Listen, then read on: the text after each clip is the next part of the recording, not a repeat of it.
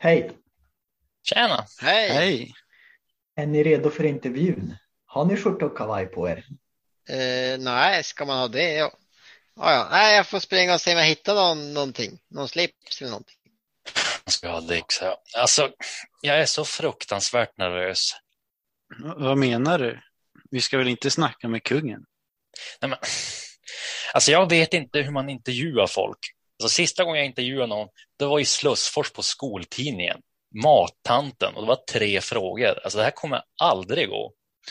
Äsch, det är enkelt. Det är bara att tänka på samtalsmetodiken. Du vet, i min utbildning har jag lärt mig att det är bara att ställa sokratiska och öppna frågor. Vi ska se att det här går bra. Ja, vi är dömda. Men nu kör vi. Slipsen på, nu kör vi!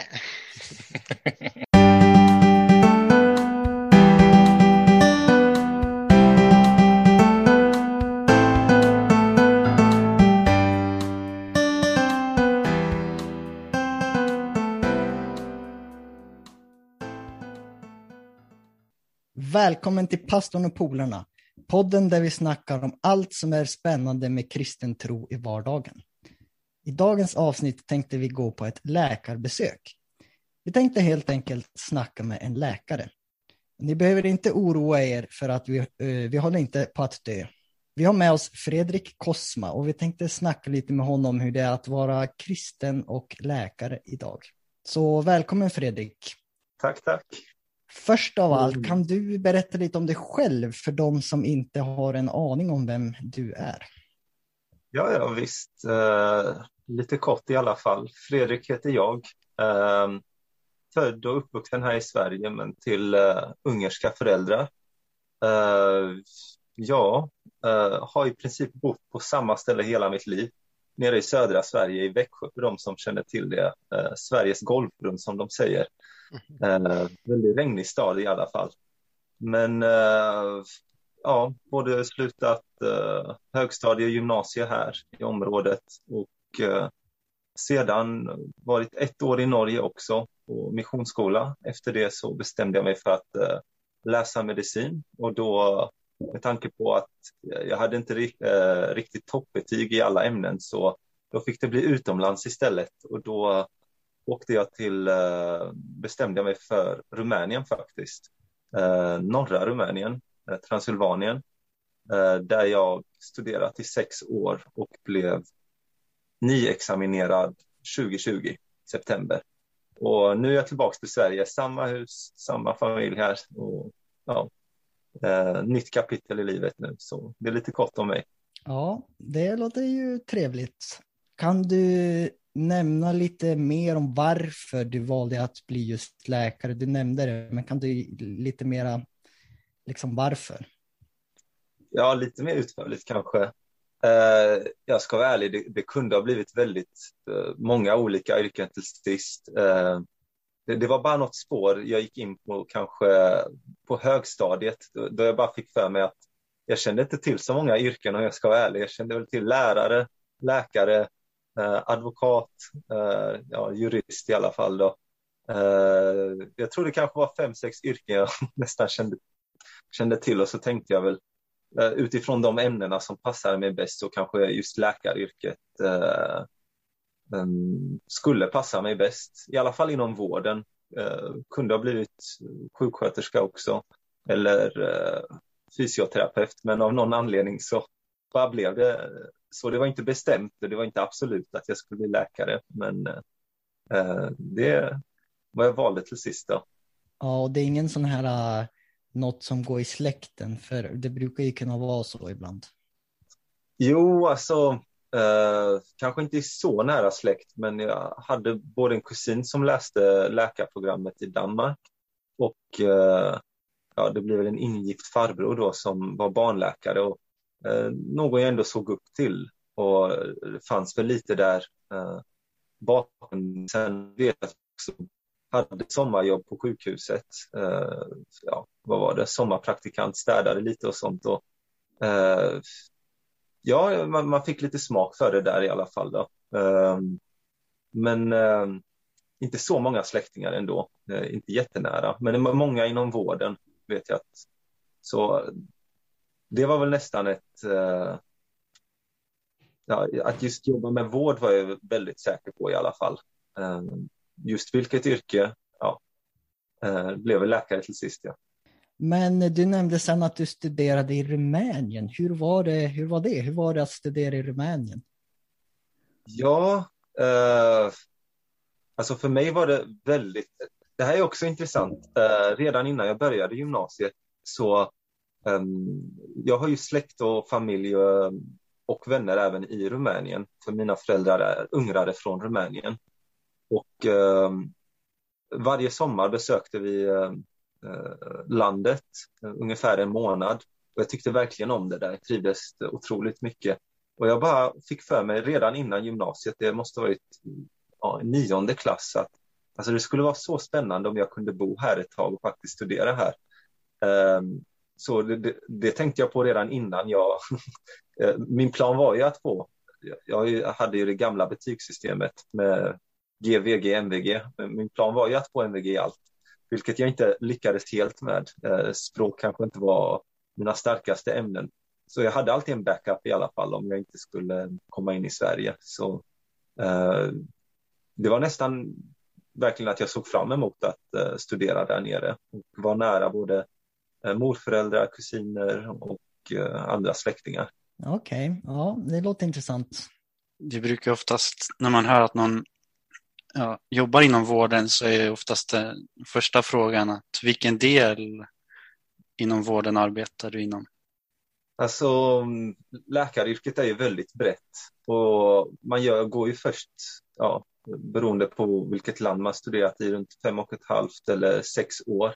Och då är man egentligen bara eh, ja, eh, underläkare eh, och eh, det är vad jag jobbar med just nu, så det kan vara väldigt brett beroende på var man jobbar.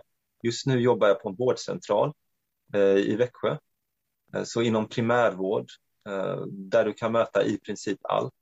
Annars finns det ju oändligt många specialiteter, eh, specialiteter känns det nästan som så eh, många delar inom vården. Men eh, största intresset för mig, jag har inte specialiserat mig än, vilket man också ska, vilket tar runt fem år. Eh, men eh, jag är nog mest intresserad av primärvård, alltså första kontakten med patienter, mycket förebyggande vård och Eh, i princip alla åldersgrupper. Eh, I princip den första kontakten. Det, det, tycker jag är väldigt spännande och det är nog där jag kommer gå vidare med så småningom. Har du emot ambulanser? Eh, nej, det är inte riktigt. Eh, jag har egentligen aldrig jobbat på akuten. Jag har eh, haft sommarpraktik då jag kunde vara med lite på akuten eh, då de kommer med ambulans och lite mer akuta fall.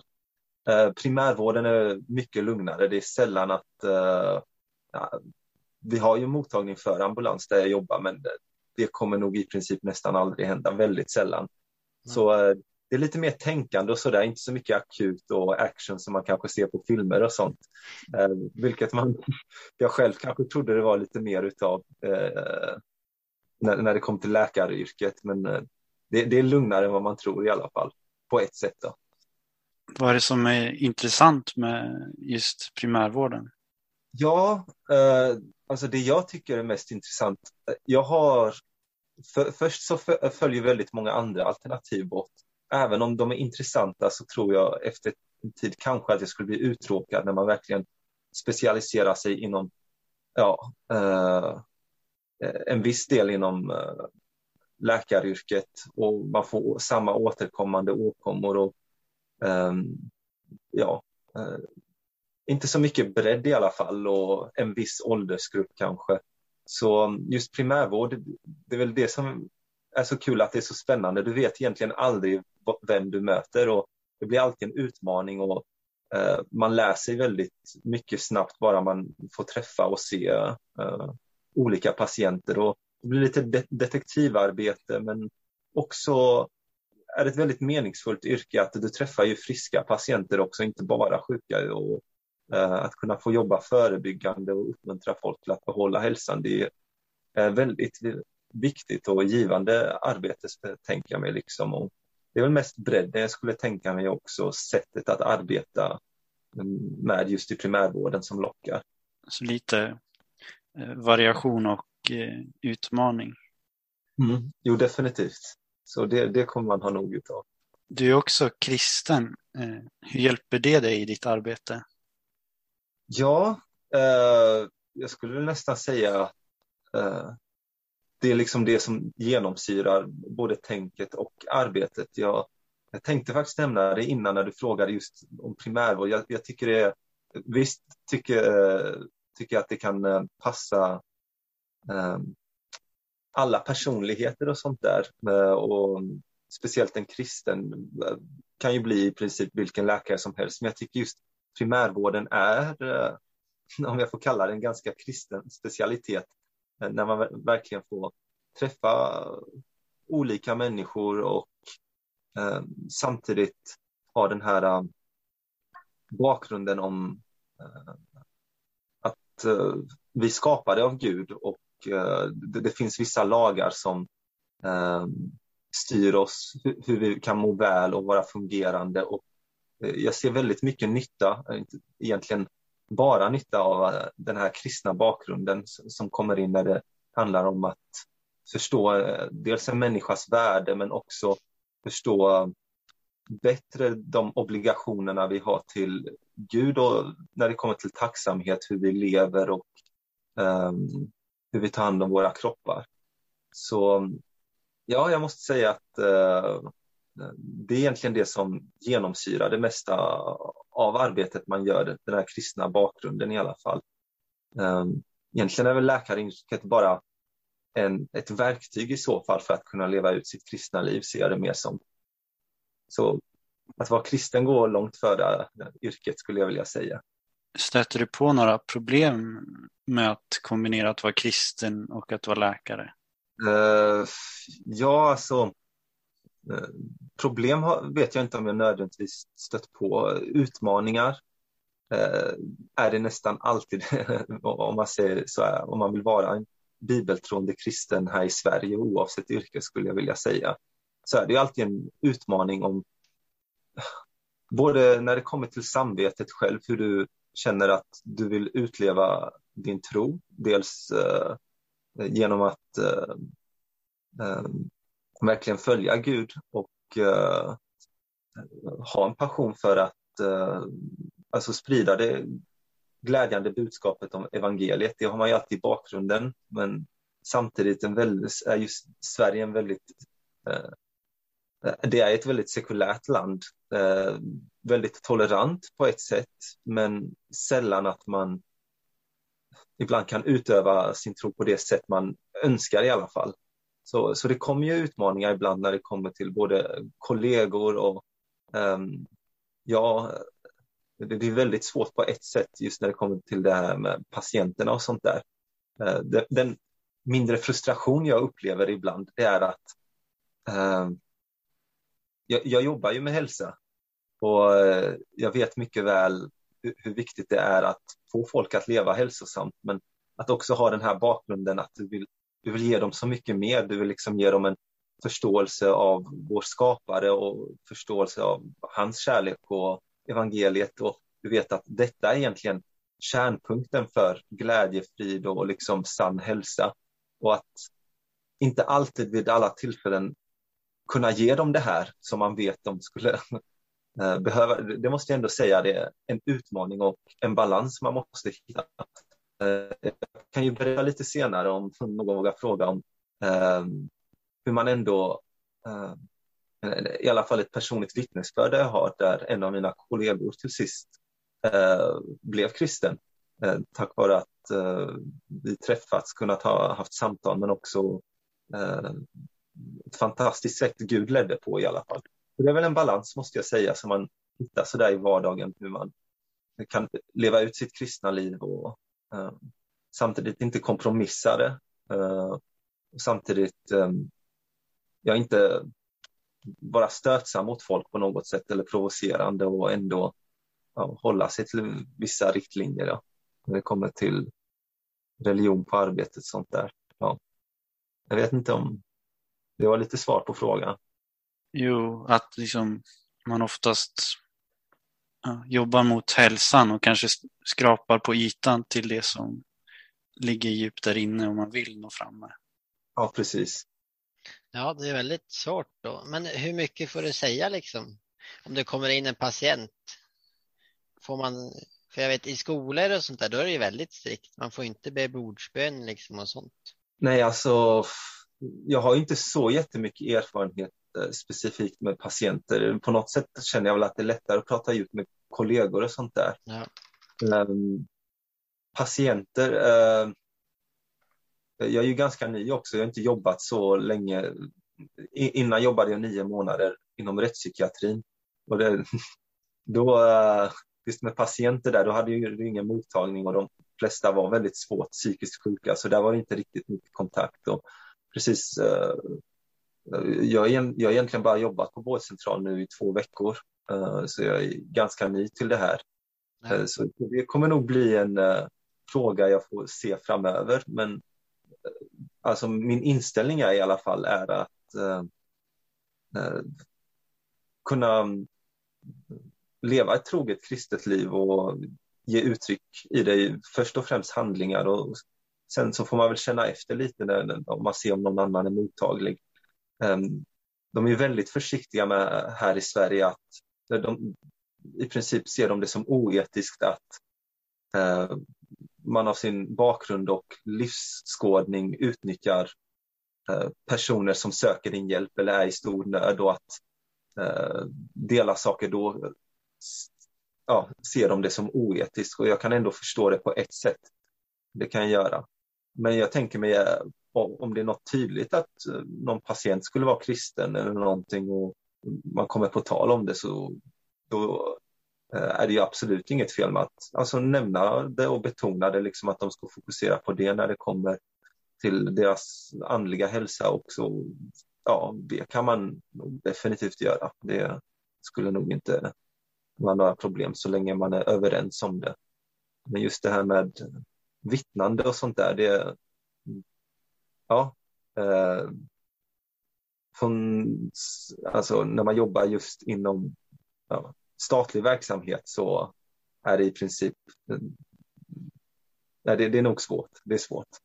Målet är såklart att i framtiden kunna jobba privat och verkligen kunna jobba på ett sätt som man själv eh, med sitt samvete eh, kan stå för.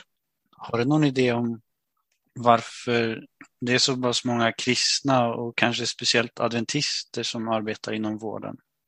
Ja, jag vet inte om jag har något riktigt svar eh, helt på det. På ett sätt önskar jag att eh, det skulle finnas en bredd för sanningen är, jag är ju övertygad om att oavsett yrke så länge du väljer att tjäna Gud så eh, huvudpoängen är väl att komma i kontakt med människor och göra, eh, alltså ha en influens och påverkan på dem.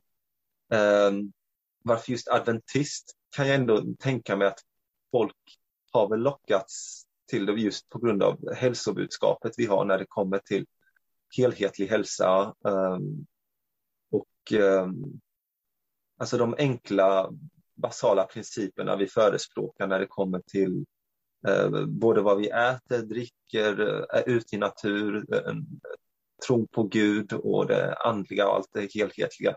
Det lockar väl en hel del. Vad jag på något sätt skulle önska, det är väl ändå eh, lite mer bredd ibland av yrkena, inte nödvändigtvis. Eh, mm, jag, tror kanske det har blivit lite sådär eh, felkoncept om att man måste jobba inom vården för att kunna eh, hjälpa folk med hälsan, vilket jag tycker är helt fel egentligen. För så tror jag inte alls det ska vara, utan eh, Alltså det här med hälsan och hälsobudskapet ska vi liksom alla kunna enkelt kunna förstå och dela med oss till oss, till vem som helst. Och jag ska vara ärlig, jag tycker nästan det ger, det visar större kraft av Gud när någon utanför vård, eh, vårdyrket i alla fall eh, följer hälsoprinciperna och liksom lever ett väldigt eh, eh troget kristet liv och tar hand om sig själv, lever nyttigt och hjälper andra med att eh, nå samma mål. Eh, sen väger det, ger det en viss vikt om man just jobbar inom vården och kanske ger eh, råd och sånt. Eh, så ja, det finns ju den aspekten också. Men just varför de har valt det, det är svårt att veta, men det kanske har nog lite med det där, det där att göra med att eh, folk tror att man måste jobba inom vården för att eh, ta hand om folk. Sen är det ju ett väldigt vackert och fint yrke. Det, det, tycker jag, att kunna vara nära personer. Men i slutändan, så länge du eh, träffar folk och är i kontakt med dem så... Yes, ja, men då har jag en fråga här. Ja. Och eh, den är lite bibelrelaterad. Har du någon favoritbibelberättelse där du har hämtat inspiration från ditt yrke? Eller kan relatera som till läkare då? Eh, jo, det var ju en intressant fråga.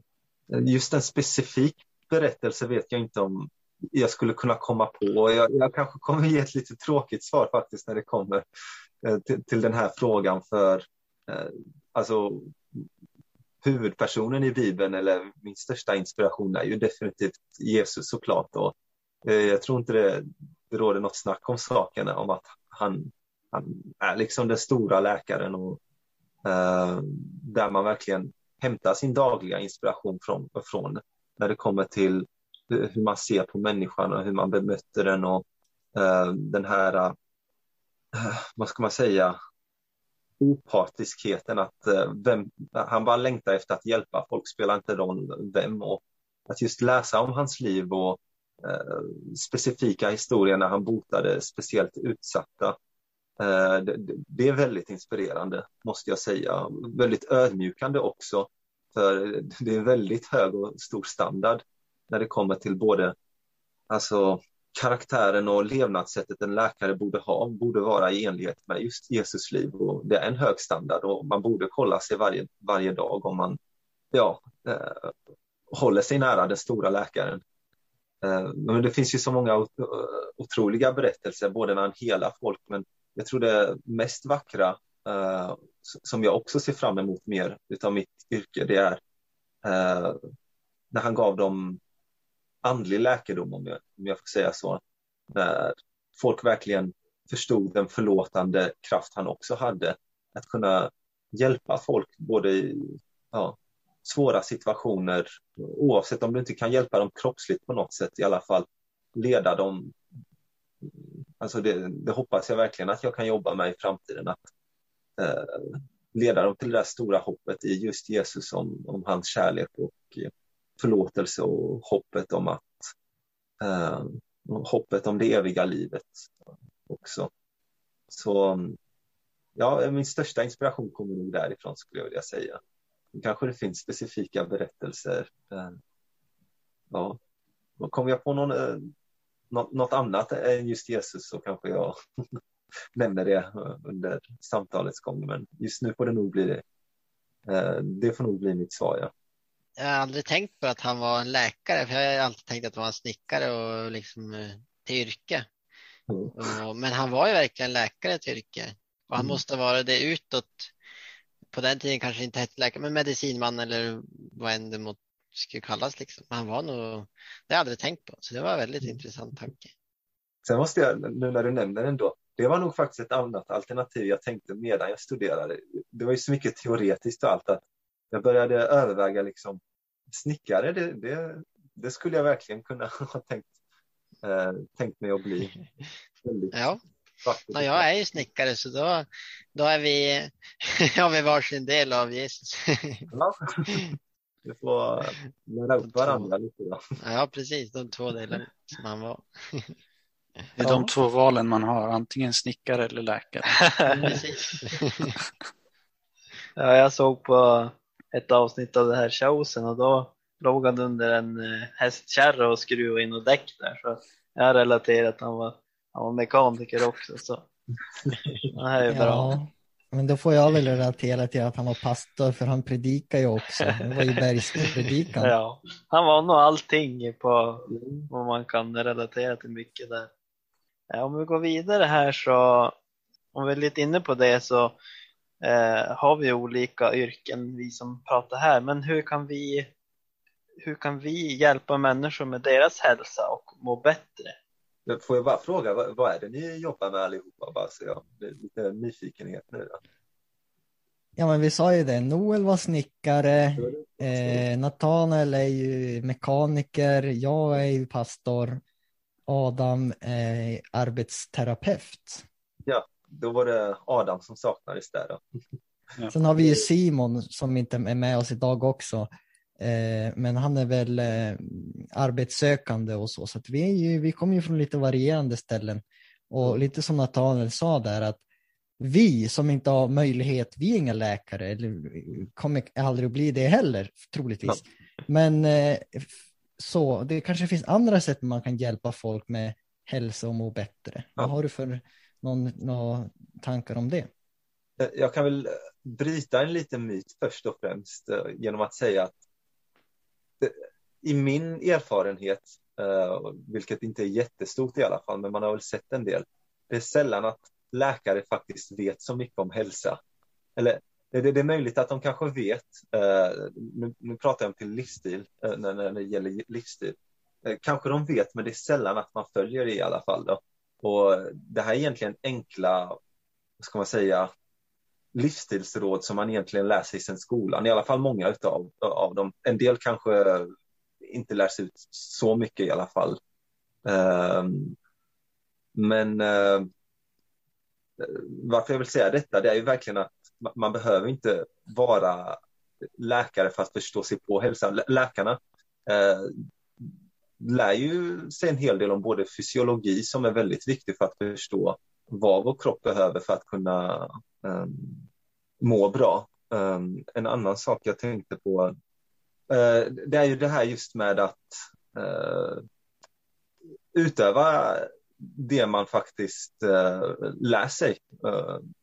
och um, det, det, känner jag ändå att vi läkare, flest av oss kanske brister i ändå, eh, en del. Så eh, jag tycker ibland inte att man ska lita så starkt på just eh, läkarutlåtanden och när, när det kommer till eh, livsstil och sånt där.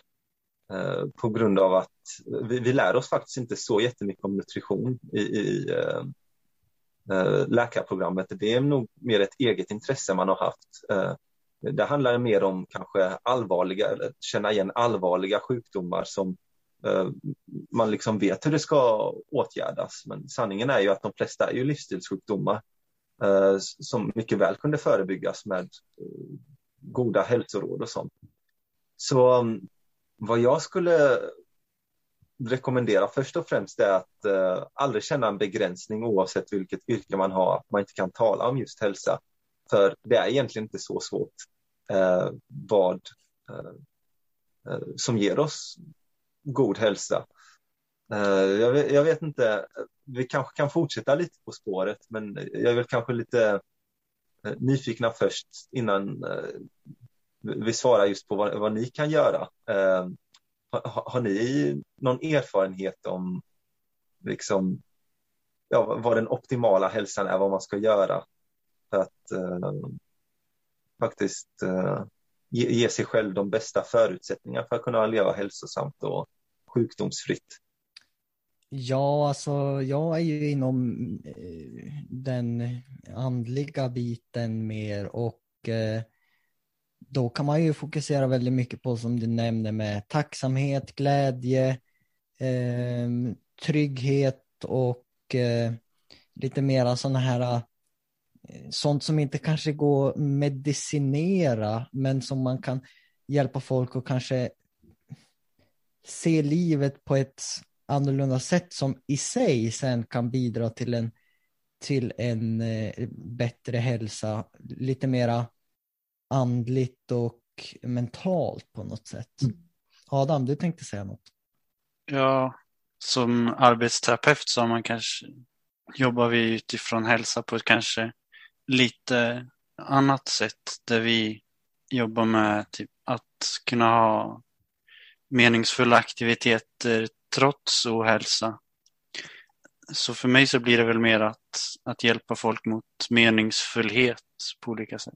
Ja, jag eh, som mekaniker eh, eh, har ju inte så stor att relatera till det. Men jag kan ju, av andra erfarenheter så, så har vi ju något som eh, kallas för Hälsoexpo.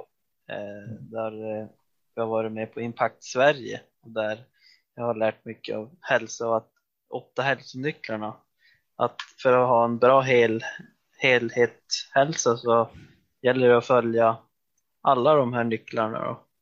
Som jag inte kommer ihåg all, allt det är nu då. Men, Vi kanske kan hjälpas åt att minnas allihopa. ja. Det tycker jag, för jag tänkte att vi borde gå in på det faktiskt lite. För det är Men vad egentligen- har vi då? Vi har vatten. Ska vi ta dem i ordning kanske från New Start? Ja. Det blir på engelska då. Då, då börjar vi med nutrition i alla fall, nutrition. Eh, vad blir det? Kost blir det på Ja. svenska. Så tar vi E då. Exercise. Ja, då har vi träning, ja. Och det är träning och motion. Precis. Och W, vad, vad blir det sen? W va? ja. Är det Eh, vatten, water? Det är nog vatten. Ja. Och det är ju Eh. viktigt, alltså dricka, alltså vatten och inte dricka eh, så mycket annat skräp. Nej, Det känner jag på, det känner jag på jobb. det- Jobba som snickare i solen, då är det vatten som gäller. Ja, det är gott att dricka vatten när man är törstig. Mm. Otroligt egentligen. Vad var nästa? S. Ja, det kan ju Ja, antingen vara sun eller så skulle det kunna vara sol, tänker jag mig. Sun eller, det finns ju väl två S. Nej, ja. Så vad sa du? Sol och vad var den andra S? solljus kanske. Nej, Newston. Nej, då fanns det ingen annan. Sol. Så solljus, otroligt viktigt. Ja. New ST. ja. Temperance, så det, det blir väl eh, avhållsamhet eller? tycker- Måttlighet. Måttlighet. Avhållsamhet. Ja. Självbehärskning tycker jag ändå passar in där på något sätt. Ja. Det vill jag komma till lite faktiskt. eh, Om jag kan ta en liten parentes här. Jag tror Ja, nästan att, att det är vad vi brist, alltså vill man faktiskt jobba med hälsa så måste man på något sätt förstå grunden till sjukdom. Och eh, alltså om man verkligen, och jag kan utveckla det lite mer senare, man ser verkligen att alltså, grunden till de flesta mänskliga sjukdomarna det är faktiskt eh, vår eh, alltså, syndiga natur och, och vår ja, mänskliga natur och att vi inte kan eh, vi har verkligen ingen självbehärskning. Det är inget likhetstecken med, med vad vi vet och vad vi faktiskt gör.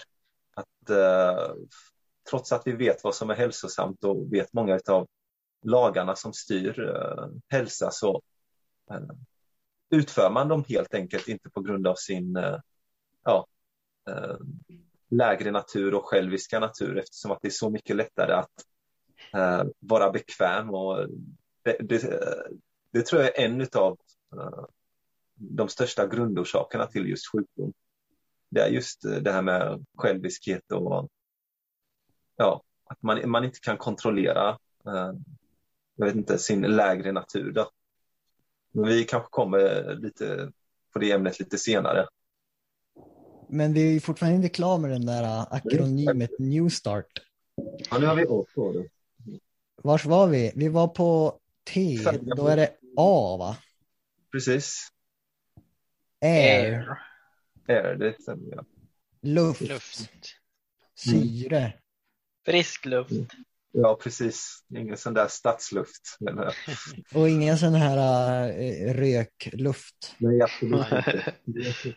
Eh, AR. Det måste väl vara rest och vila. Det är vila. Rest, ja, just det. Ja.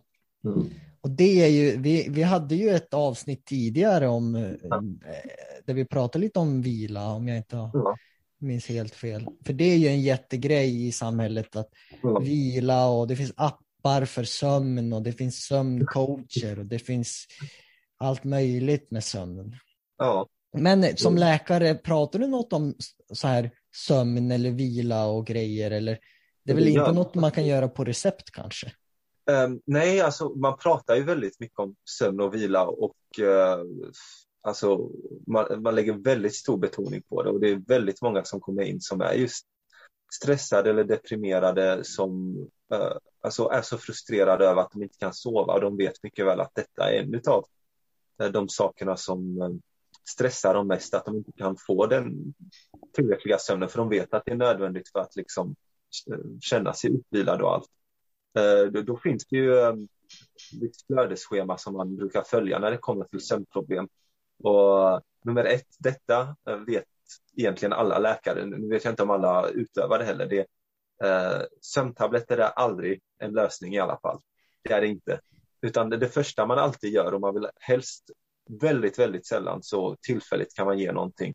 Men eh, vad man först och främst gör, det är att gå igenom en så kallad sömndagbok där du eh, förbättrar din så kallade sömnhygien, att du ger dig själv de bästa förutsättningar för att kunna somna och få vila och detta brukar hjälpa oftast 90 procent av patienterna faktiskt eh, med just insomni eller svårigheter med att somna.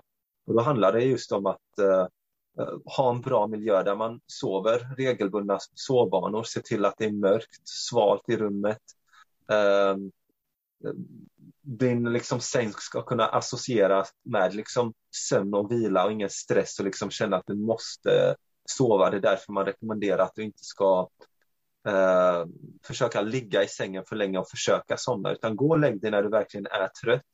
Och vaknar du mitt i natten och kan inte somna om, men gå upp, gå en liten kort promenad i mörkret runt omkring huset eller ute, få lite frisk luft. Och, alltså verkligen lyssna på något sätt på kroppen. Eh, när den väl är trött så eh, för de allra flesta de somnar, de ska det. Och bort med alla skärmar timmar innan man eh, eh, lägger sig. Eh, blåljus och allt det här eh, lurar ju bara kroppen om att det är dag och det blir väldigt svårt att eh, sova. Vi gör ett undantag idag i alla fall. ja. på Zoom här då. Och andra saker är ju som att äta väldigt, väldigt eh, enkel kvällsmåltid. Du vill inte gå allt för hungrig när du lägger dig eller du vill inte heller mm, äta alldeles för mycket heller för då, ja, då överbelastas kroppen lite med eh, Eh, näringsämnena och kolhydraterna som kommer in under natten och man rör sig inte och blir inte av med det. Ja, kanske för mycket insulin och sånt eh, kommer ut och så blir man överviktig och svårt att somna. Ja, enkel måltid på kvällen i alla fall. Då.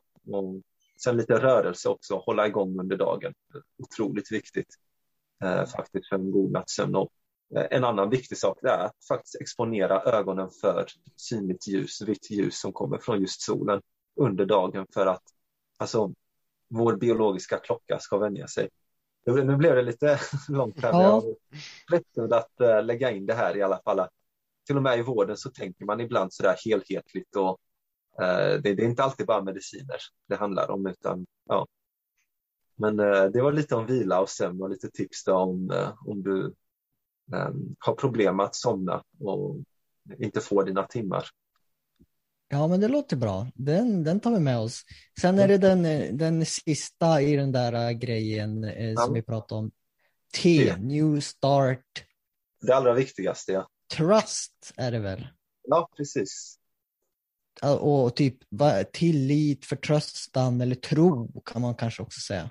Ja, när jag skulle specifikt säga just uh, alltså tro i, uh, alltså vad kallas det, gudomlig eh, kraft liksom. Att eh, kunna förlita sig på det. För eh, igen, när det kommer till att verkligen bli motiverad till att ta hand om sig så tror jag kärnan verkligen ligger i att förstå var vi kommer ifrån och vem vår skapare är. Det är den absolut största motivationskällan till mig att inse att eh, det här jag liksom kollar på varje morgon när jag vaknar, vaknar och kollar mig i spegeln, det här är liksom en så otroligt vacker gåva man får att man får leva en dag till och att jag har inte gjort någonting för att liksom förtjäna det här livet men ändå har jag fått den här gåvan. Och, eh, e-, e-, ett av mina sätt att uttrycka min tacksamhet för detta det är att faktiskt lita och ta hand om min kropp och lita på att eh, de lagar som, hälsolagar som, och principer som kommer från Bibeln, att det är det bästa för, för mig. Och då får man liksom eh, förneka en hel del saker som man känner eh, att man vill kanske eh, göra, men man vet egentligen är skadligt för kroppen. Eh, det är liksom på något sätt sann förtröstan och lit, att liksom lita på Gud att eh, tro på att han vet det bästa sättet du kan leva. Och du som skapad varelse vill bara visa din tack tacksamhet och liksom ha den insikten om var du kommer ifrån. Så eh, jag tror nog det är den viktigaste faktiskt av alla eh, hälsonycklar och eh, allt bygger på det liksom och kommer därifrån så följer det andra efter. Jag vet inte om ni har andra tankar eller vad pastorn säger. Ja, alltså, jag, Adam tänkte säga något, men eh, mm. ja, kör Adam.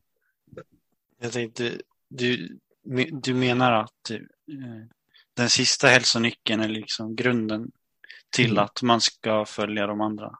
Ja, precis. Och jag då som pastor, det är ju där, det är ju där lite grann, ja men min roll eller arbete tar över kan man väl säga kanske. Eller som tar vid. Och eh, just det där med tacksamhet, tillit, förtröstan eh, och tro. Och det är ju det som, eh, som jag håller på med, alltså på ett brett plan. Och det hör ju till hälsan. Alltså, mm om knoppen mår bra så mår kroppen oftast också bra. Ja.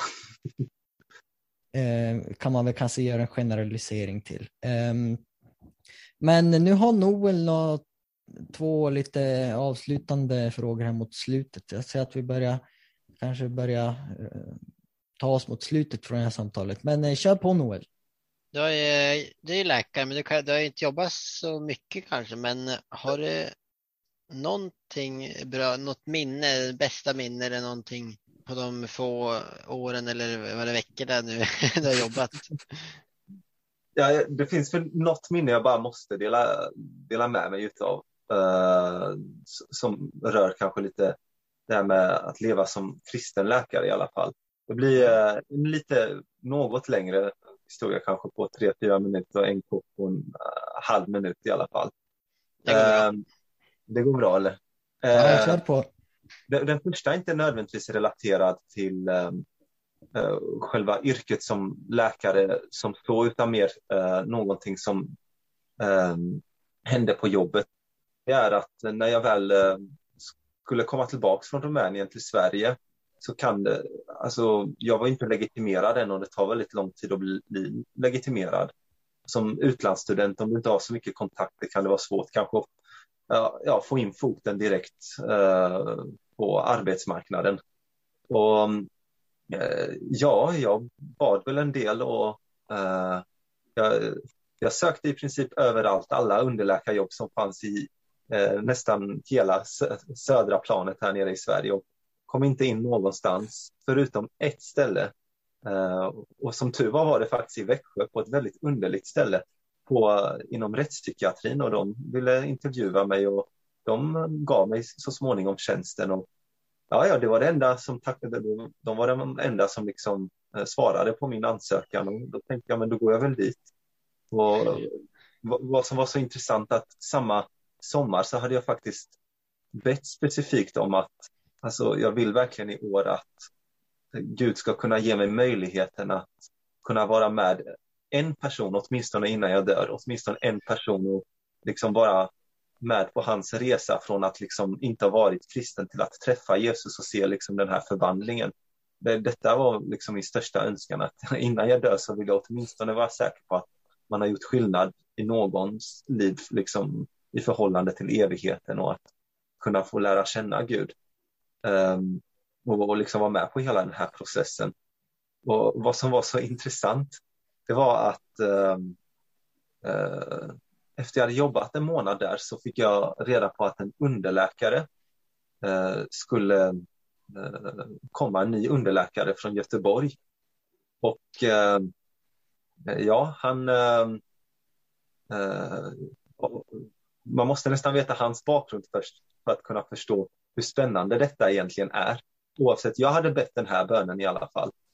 Uh, och när jag träffade honom för första gången, um, ja, vi pratade en del. Uh, jag fick tydligen reda på att han själv studerat i Rumänien uh, de första två åren, men sen flyttat över till Göteborg.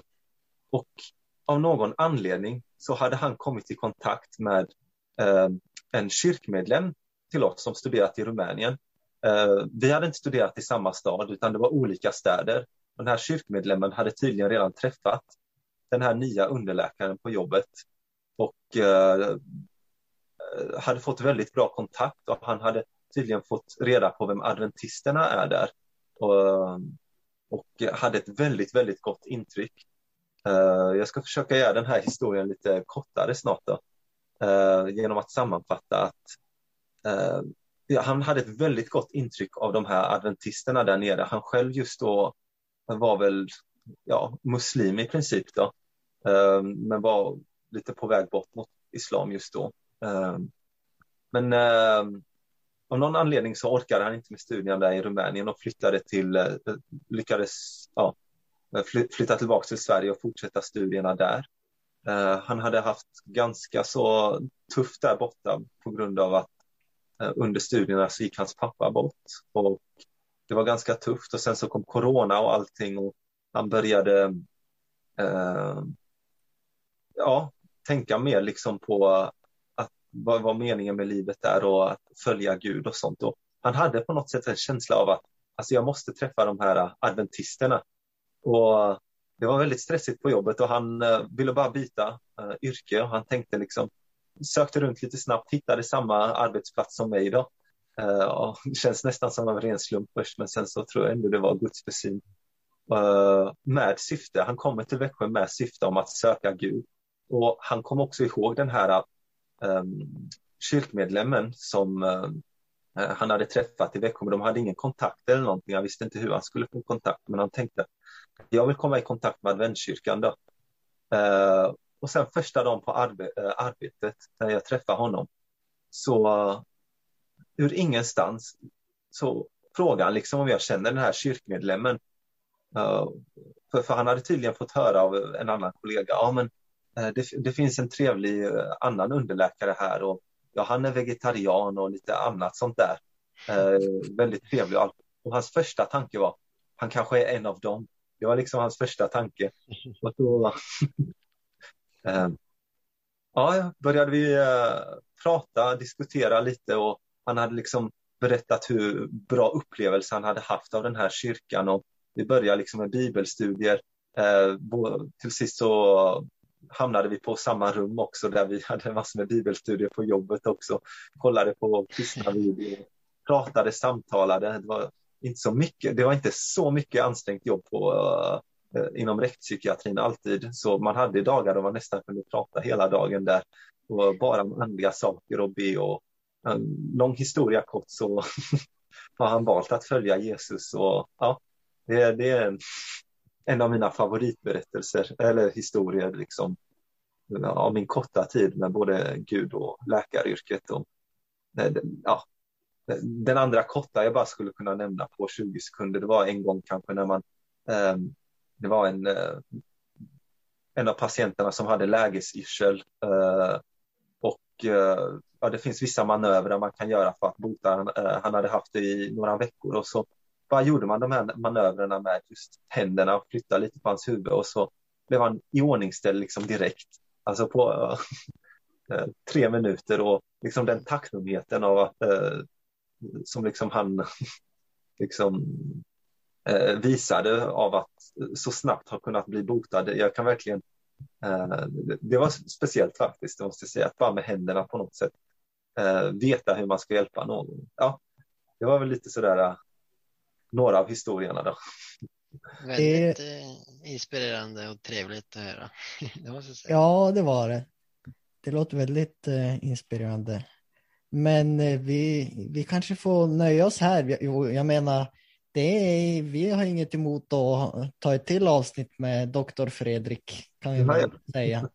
Eh, när du får lite, några veckor till, då är det många historier säkert. Men ni får vänta lite. Vi ska försöka skaffa några bra också. Ja, vi kör del två när, efter en stund här. det var jättekul att få vara med då. Att tiden bara flög då. Ja, ja, jag vet inte. Jag hade gärna hört lite från er också. Ja. Nu, nu var det jag som pratade iväg tiden här. Då. Men nästa gång kanske det är jag som ställer frågor även om det inte är min podd. Ja, precis. precis. Ja, får byta roller nästa gång. Ja, för kärlek. Mm. Ja, så vi tackar dig för att du har, vill, ville vara med och podda med vi.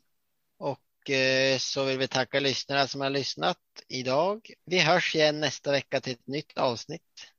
Hej då! Hej då! Hej, hej. Funkar det där eller?